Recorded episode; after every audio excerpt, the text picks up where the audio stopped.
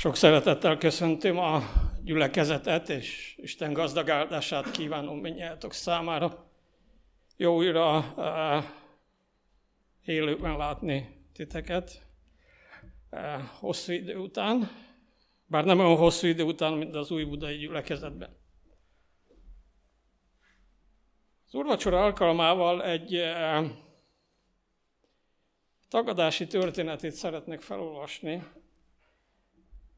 hiszen az elmúlt időben a járványhelyzet annyi mindent kihozott emberekből. Annyi féleképpen viszonyultak egymáshoz, Istenhez, magyaráztak a hit vagy a nem hit kérdését, néha az Isten kísértést a hittel összekeverve, és nagyon sok minden hasonló dolog történt. Ez is egy krízis helyzet, és ez a krízis helyzet előhozott sok mindent. Ez a történet is egy krízis helyzetben történt.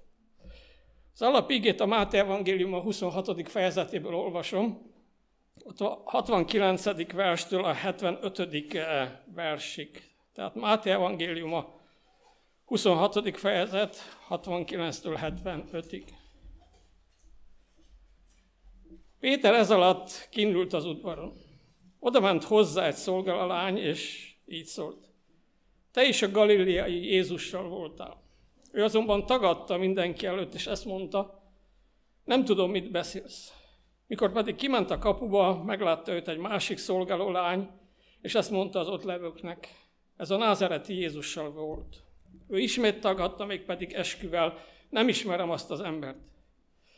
Kis idő múlva az ott áldogálók mentek oda, és így szóltak Péterhez, bizony közülük való vagy te is, hiszen a kiejtésed is árulkodik rólad.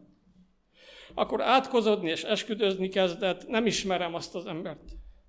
És nyomban megszólalt a kakas, Péter visszaemlékezett Jézus szavára, aki azt mondta neki, mielőtt megszólal a kakas, háromszor tagadsz meg engem. Aztán kiment onnan, és keserves sírásra akadt. Eddig az íge. Az a Péter, aki Jézustól olyan sok szeretetet kapott. Ebben a kritikus helyzetben képes volt letagadni, hogy valaha is ismerte őt. Három éven keresztül hallotta minden tanítását. Láthatta Jézus minden csodáját közelről szemlélhette az ő tiszta, szent, másokért minden áldozatra kész életét. Megdicsőlés, megdicsőlés hegyén látta ő dicsőségben. És akkor most, amikor a megváltó ilyen nehéz helyzetben van, összeverve a kínvallatás után, úgy próbáljuk magunk elé képzelni ezt a szenvedő Jézust, kész a halálos ítélet ellene, akkor az az első számú tanítvány képes megtagadni őt. Hogyan történhetett ez?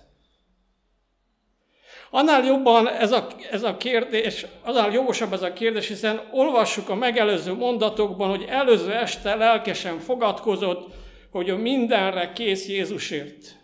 A 26. fejezet 33. versében azt olvassuk, ekkor Péter itt szólt hozzá, ha mindenki meg is botránkozik benned, én soha meg nem botránkozom.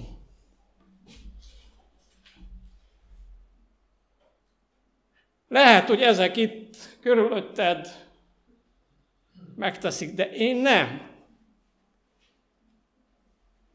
Ezek után hogyan kerülhetett ilyen helyzetben Krisztus közelébe ember, hogy letagadja, tehát Krisztus közelébe élő ember, nem egy Istent tagadó, nem aki időnként találkozik vele, aki vele élt, hogy letagadja, hogy ismerte őt. Milyen út vezetett ide? Ezt vizsgáljuk meg ma, amikor Jézus Krisztus kereszt halálára emlékezünk, hogy vajon hogyan jöhetett ki ugyanabból a szájból ez a fogadkozás, hogy én soha, utána megint azt mondta, hogy én soha nem is ismertem. Csak egészen más. Amikor az utolsó vacsora után Jézus a tanítványokkal kiment az olajfák hegyére, akkor itt szólt hozzájuk a 32. 26. fejezet 32. versében, hogy Minnyáján megbotránkoztok bennem ezen az éjszakán, mert megvan írva, megverem a pásztort, és elszélednek a nyájuhaj. És ekkor mondja Péter, hogyha minnyáján megbotránkoznak is, én soha. Tulajdonképpen három súlyos hibát követett el Péter. Egyrészt felülbírálta Jézust. Jézus azt mondta, ti minnyájan el fogtok hagyni engem. Mire Péter azt mondja, hogy az nem úgy van, uram, te tévedsz. Ezek a hitványak, igen, de én, én nem. A második, ebben benne van az is, hogy különnek tartja magát, mint a többiek. A harmadik hiba, hogy nem figyel oda arra, amit Jézus mond. Mi most nem Péter felett fogunk pálcát törni. Ne is próbáljuk ezt megtenni. Az övéhez hasonló, kényes, nehéz, veszélyes helyzetben közülünk is sokan elbuktunk már egészen hasonló módon ő hozzá, ha őszinték vagyunk. Ha sikerült tetten érnünk, hogy mi is vezethetett oda, hogy Péter eddig a tagadásig eljusson, akkor ez megóvhat minket hasonló bukásoktól, és ha mégis elbukunk, megtalálhatjuk a megoldást az újrakezdésre, mert Péternél is volt újrakezdés. Az első nagy kérdés, ha erre igaz választ eh, találunk itt az úrasztalánál, akkor nagy segítségünkre lesz. Mi volt Péter szíve mélyén? Mi van a mi szívünk mélyén? Az volt a helyzet, hogy megtagadta ugyanott ilyettében, de a szíve mélyén szerette, vagy pedig az volt a helyzet, hogy azt hitte, hogy szereti Jézust. De alapjában véve nem értette, nem fogadta el annak, aki újra és újra kiigazította, nem nem itt mondott ellene Jézusnak először, máskor is azt mondta, hogy az nem így van. És a szíve mélyén egy átkozódó, esküdöző önféltés volt. Az a jó, hogy ezt ő maga, Péter dönti el, hogy melyik az igaz. Péter viselkedéséből egyértelműen kitűnik, hogy az utóbbi volt sajnos itt az igaz. Amikor ez kiderül, hogy mi van az ő szívében valójában, amikor ő is megtudja, hogy kicsoda ő Jézus nélkül, hogy ez az egész kedvesség, aggódás, szeretet, féltés csak a felszín, csak a látszat, ami mögött gyávaság, tagadás van, akkor egy szót sem tud szólni, csak keservesen sír. Mert ezen csak sírni lehet. Amikor a saját szíve mélyére tekinthet valaki. Ez Istennek egy különös kegyelme mindig, amikor megengedi nekünk, akik olyan sokszor el vagyunk telve önmagunkkal, mert csak a látszatot látjuk, hogy a valóságot is észrevegyük. Úgy lássuk, ahogyan ő lát minket. Mert ez ad lehetőséget arra, hogy ebből őszinte bűnbánat, bűnvallás legyen, és az ember elhagyja ezeket a bűnöket. Az úrvacsor egy ilyen alkalom kell legyen, minden alkalom. Amikor kérjük Istent, hogy lássunk be mélyen a mi szívünkben, hogy milyenek vagyunk valójában. Péter kénytelen rádöbbenni arra, hogy ő nem az, akinek hitte magát. Nem az, akinek látszik. Biztos, hogy őszinte lelkesedéssel mondta, lehet, hogy ezek elhagynak, de én nem. Nem képmutatásból mondta, őszintén. Meg volt erről, hogy őzödve. Még azt is őszintén ígérte, hogy kész vagyok veled meghalni. De hirtelen előállt egy helyzet, ahol még nem kellett meghalni. Elég messze volt ez a haláltól. Csak vállalni kellett volna Jézust. De ennek némi kockázata is volt. Nem volt képes vállalni Jézus és vállalni ezt a kockázatot. Ő ezt nem is tudta, hogy a sok jó szándék, fogadkozás, ígérgetés mögött nincs fedezet. Valóban nagy szíve volt Péternek. De meg, még ez a nagy szív és jó szív is csak ennyire képes. Jézus nélkül. A Jézus életet című könyvben azt olvassuk, Péter éppen most jelentette ki, hogy nem is ismeri Jézust, de most keserű fájdalommal rájött, hogy Ura milyen jól ismerte őt, és hogy szívében milyen pontosan elolvasta azokat a hamisságokat, amelyekről jószerével ő maga sem tudott, mert ismeretlennek maradtak számára. Ezért kellett Jézusnak meghalnia. Mert elhisszük magunk is, és elhitetjük másokkal is, hogy csak, Isten, csak Istennel nem sikerül elhitetnünk, hogy olyanok vagyunk, amilyeneknek látszunk, mikor a legjobb képük, képünket mutatjuk, amikor jól kipihentük magunkat, tele van a gyomrunk, körülvesznek sokan, és már gyülekezetbe is lehet jönni. Sokan nem is akarnak hallani arról, hogy valójában milyenek. Elég kiámbrádító élmény, de a gyógyuláshoz csak ez vezet. Jézus keresztjénél derül ki az, hogy az ő közelében is olyan maradhat valaki, amilyen Péter maradt. Jézus keresztjénél derül ki az is, hogy egyetlen erő tud ezen változtatni, az, ami az ő halálából árad, mert ha képletesen mondom, de biblikusan, amikor Jézus szíve meghasadt a kereszten, akkor mint egy szétoszthatóvá vált. Aki látja már, hogy milyenek vagyunk nélküle, és belátjuk, hogy önmagát, belátja, hogy önmagát nem tudja átnevelni, az kész lesz arra, hogy elfogadja ezt a darabkát a Jézus szívéből, amit ő kínál a benne hívőknek, az ilyen embernek pedig új, új szíve lesz.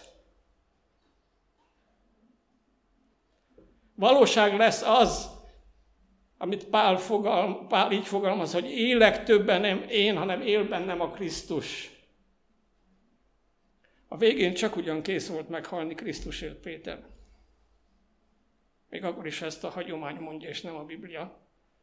De azt már nem fogadkozva, nem ígérgetve, hanem csendesen, átgondoltan, elszántan, teljes belső meggyőződéssel és békességgel. Azt már nem ő valósította meg, hanem a benne élő Krisztus.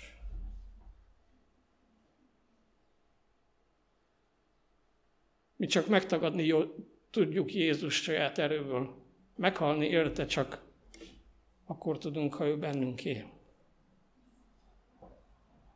Ez volt Jézus Krisztus halálának az oka és a célja, az oka, hogy ennyire megromlottunk mindjárt, ahogy itt Péterről kiderül, és nem tudjuk megváltoztatni magunkat, még akkor is, ha három és fél évig Jézus mellett élünk. A célja pedig az, hogy kaphassunk mindjárt új természetet, Jézus természetét. Péter apostol így írja, és az előző igé hirdetések alkalmával is említettem, hogy isteni természet részeseivé lesznek azok, akik hisznek őben. Sokakat megtéveszthetünk látszattal. Isten azonban a, szív, Isten a szíveket vizsgálja. Olyan nagy kegyelem, ha bemutatja nekünk a saját szívünk.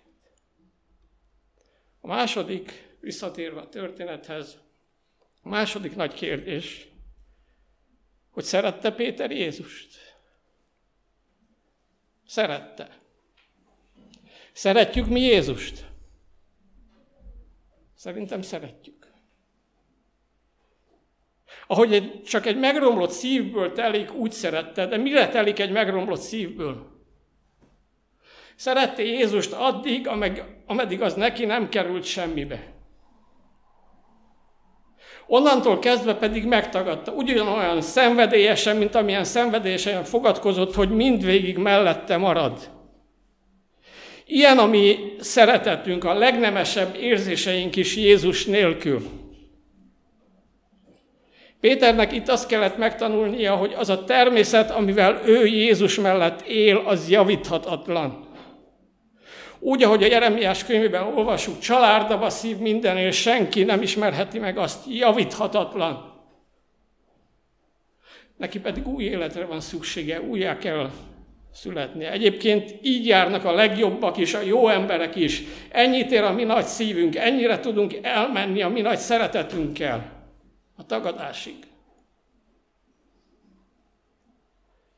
Úgy járhatunk mi is, mint ő, aki magyarázott, fogadkozott, kiigazította újra meg újra Jézus, de amikor áldozatot kellett volna vállalni érte, nem volt sehol.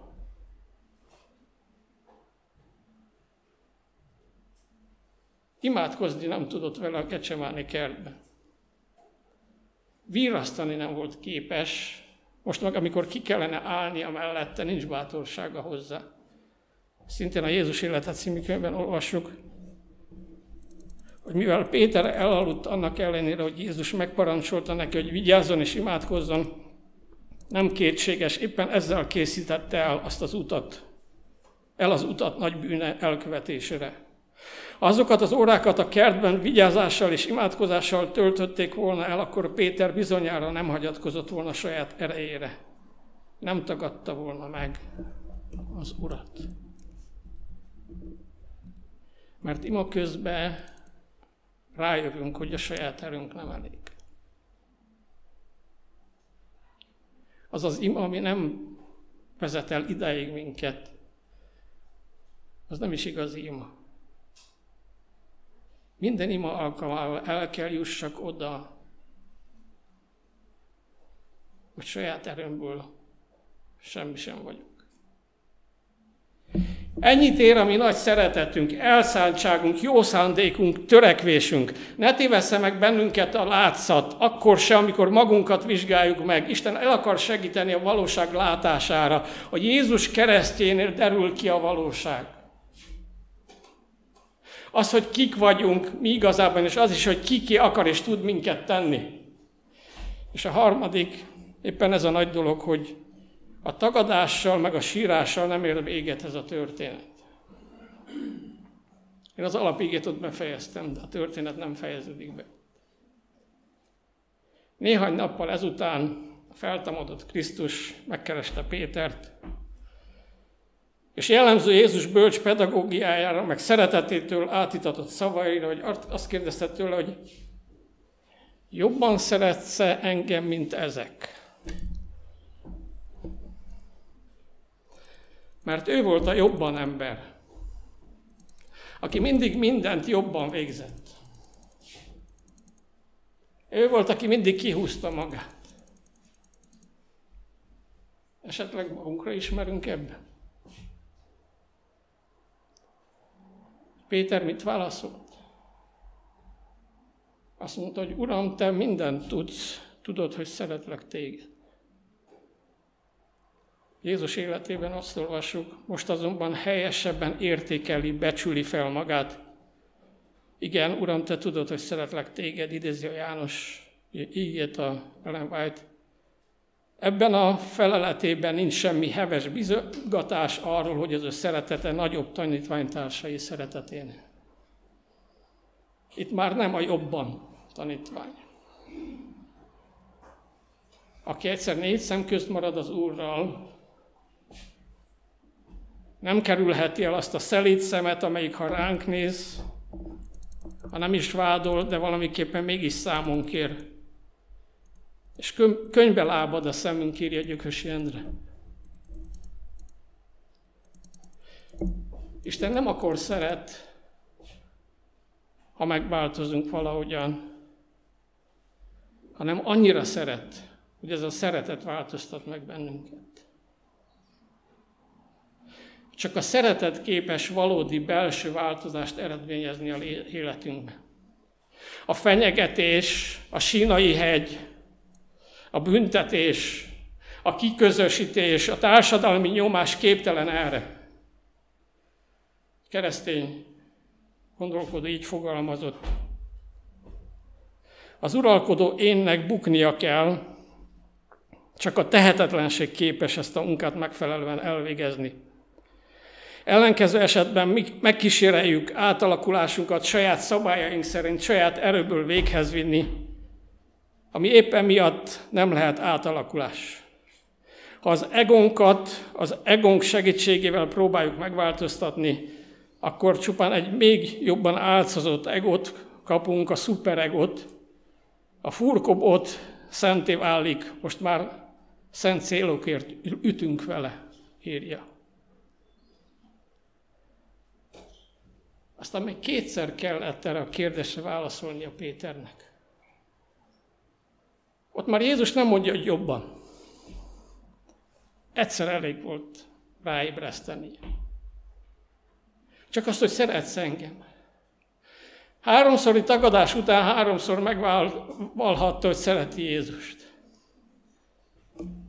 Ez az a szeretet, amely által Simonból Péterré válik Jézus jelenlétében. Korábban Simon felfele licitált, hogy én vagyok a jobbik, a jobb. Most Péter lefele licitál ebben a történetben. Azt mondja neki Jézus, hogy Simon, Jóna fia, jobban szeretsz engem, mint ezeket? A ógörög nyelvben a szeretetre több szó van. Mi a bablevest is, meg a feleségünket szeretjük, és szeretjük. Időnként lehet az előbbit jobban, mint a másikat. És itt, itt a agapé szót használja. Agapász mi, ami azt jelenti, hogy a tőlem tanult, a tőlem telhető szeretettel szeretsz engem, Péter. Erre mint Sémon Péter igen szerényen csak annyit mond, hogy igen, Uram, te tudod. Ha valaki, akkor te tudod. Ez nincs benne, hogy a tőlem telhető szeretettel szeretlek téged, mert itt ez a szó van. Isten azt kérdezi tőle, hogy a tőlem tanult szeretettel szeretsz engem. Péter azt mondja, hogy te tudod, hogy a tőlem telhető szeretettel szeretlek téged. Azaz a fileó. Tudod, hogy szeretlek a tőlem telhető szeretettel. Nem állítom, hogy úgy, ahogyan te tudsz szeretni, és még azt sem állítom, hogy úgy, ahogyan tőled tanultam. Úgy szeretlek, ahogyan egy olyan embertől kitelik, amilyen én vagyok. A második kérdésnél megismétlődik ez, ez a párbeszéd. De a harmadik kérdésnél történik valami változás. Jézus a maga csodálatos agapé szereteténél fogva a következő oldón fogalmazza meg a kérdést Péter fel. Értem, Péter. Akkor nem azt kérdem, hogy agapé szeretettel szeretsz engem. Egyszerűen azt kérdezem, hogy a fileó szeretettel szeretsz engem. Vagyis a tőle telhető szeretettel szeretsz engem. És akkor mondja, hogy Uram, te mindent tudsz. Te tudod, hogy szeretlek téged. Ezzel a tőlem telhető szeretettel szeretlek téged. És Jézus elfogadja azt, amit tőlünk, a Jézus elfogadja azt, amit tőlünk telik, testvéreim. Az úrvacsorának ez is az üzenete. Elfogadja a tőlem telhető szeretetet is, hogy átalakítson. Ezek után soha többé nem emlékeztette őt Jézus erre a gyalázatos tagadásra. Miért nem? Mert az Péter őszintén megbánta, amiatt sírt, és a megbánt és megvalott bűnöket Isten a háta, háta mögé veti, azok nem választanak el többé minket tőle. Ezért történt Jézus halála, hogy ez lehetséges legyen, hogy egyrészt rádöppenjünk, hogy veleléig megromlott és gyökeresen megrontott a bűn minket.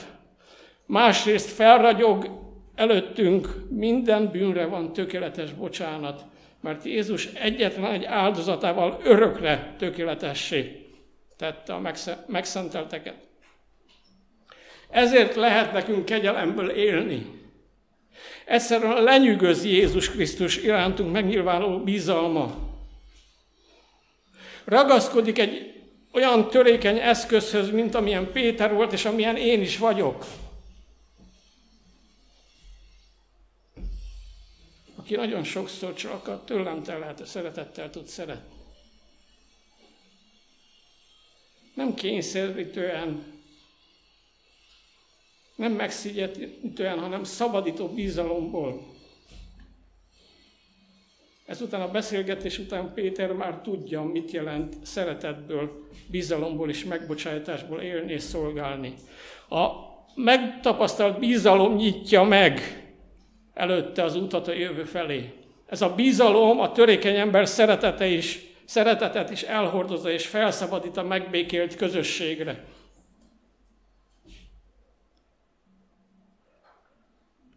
Gyerekkoromban hallottam egy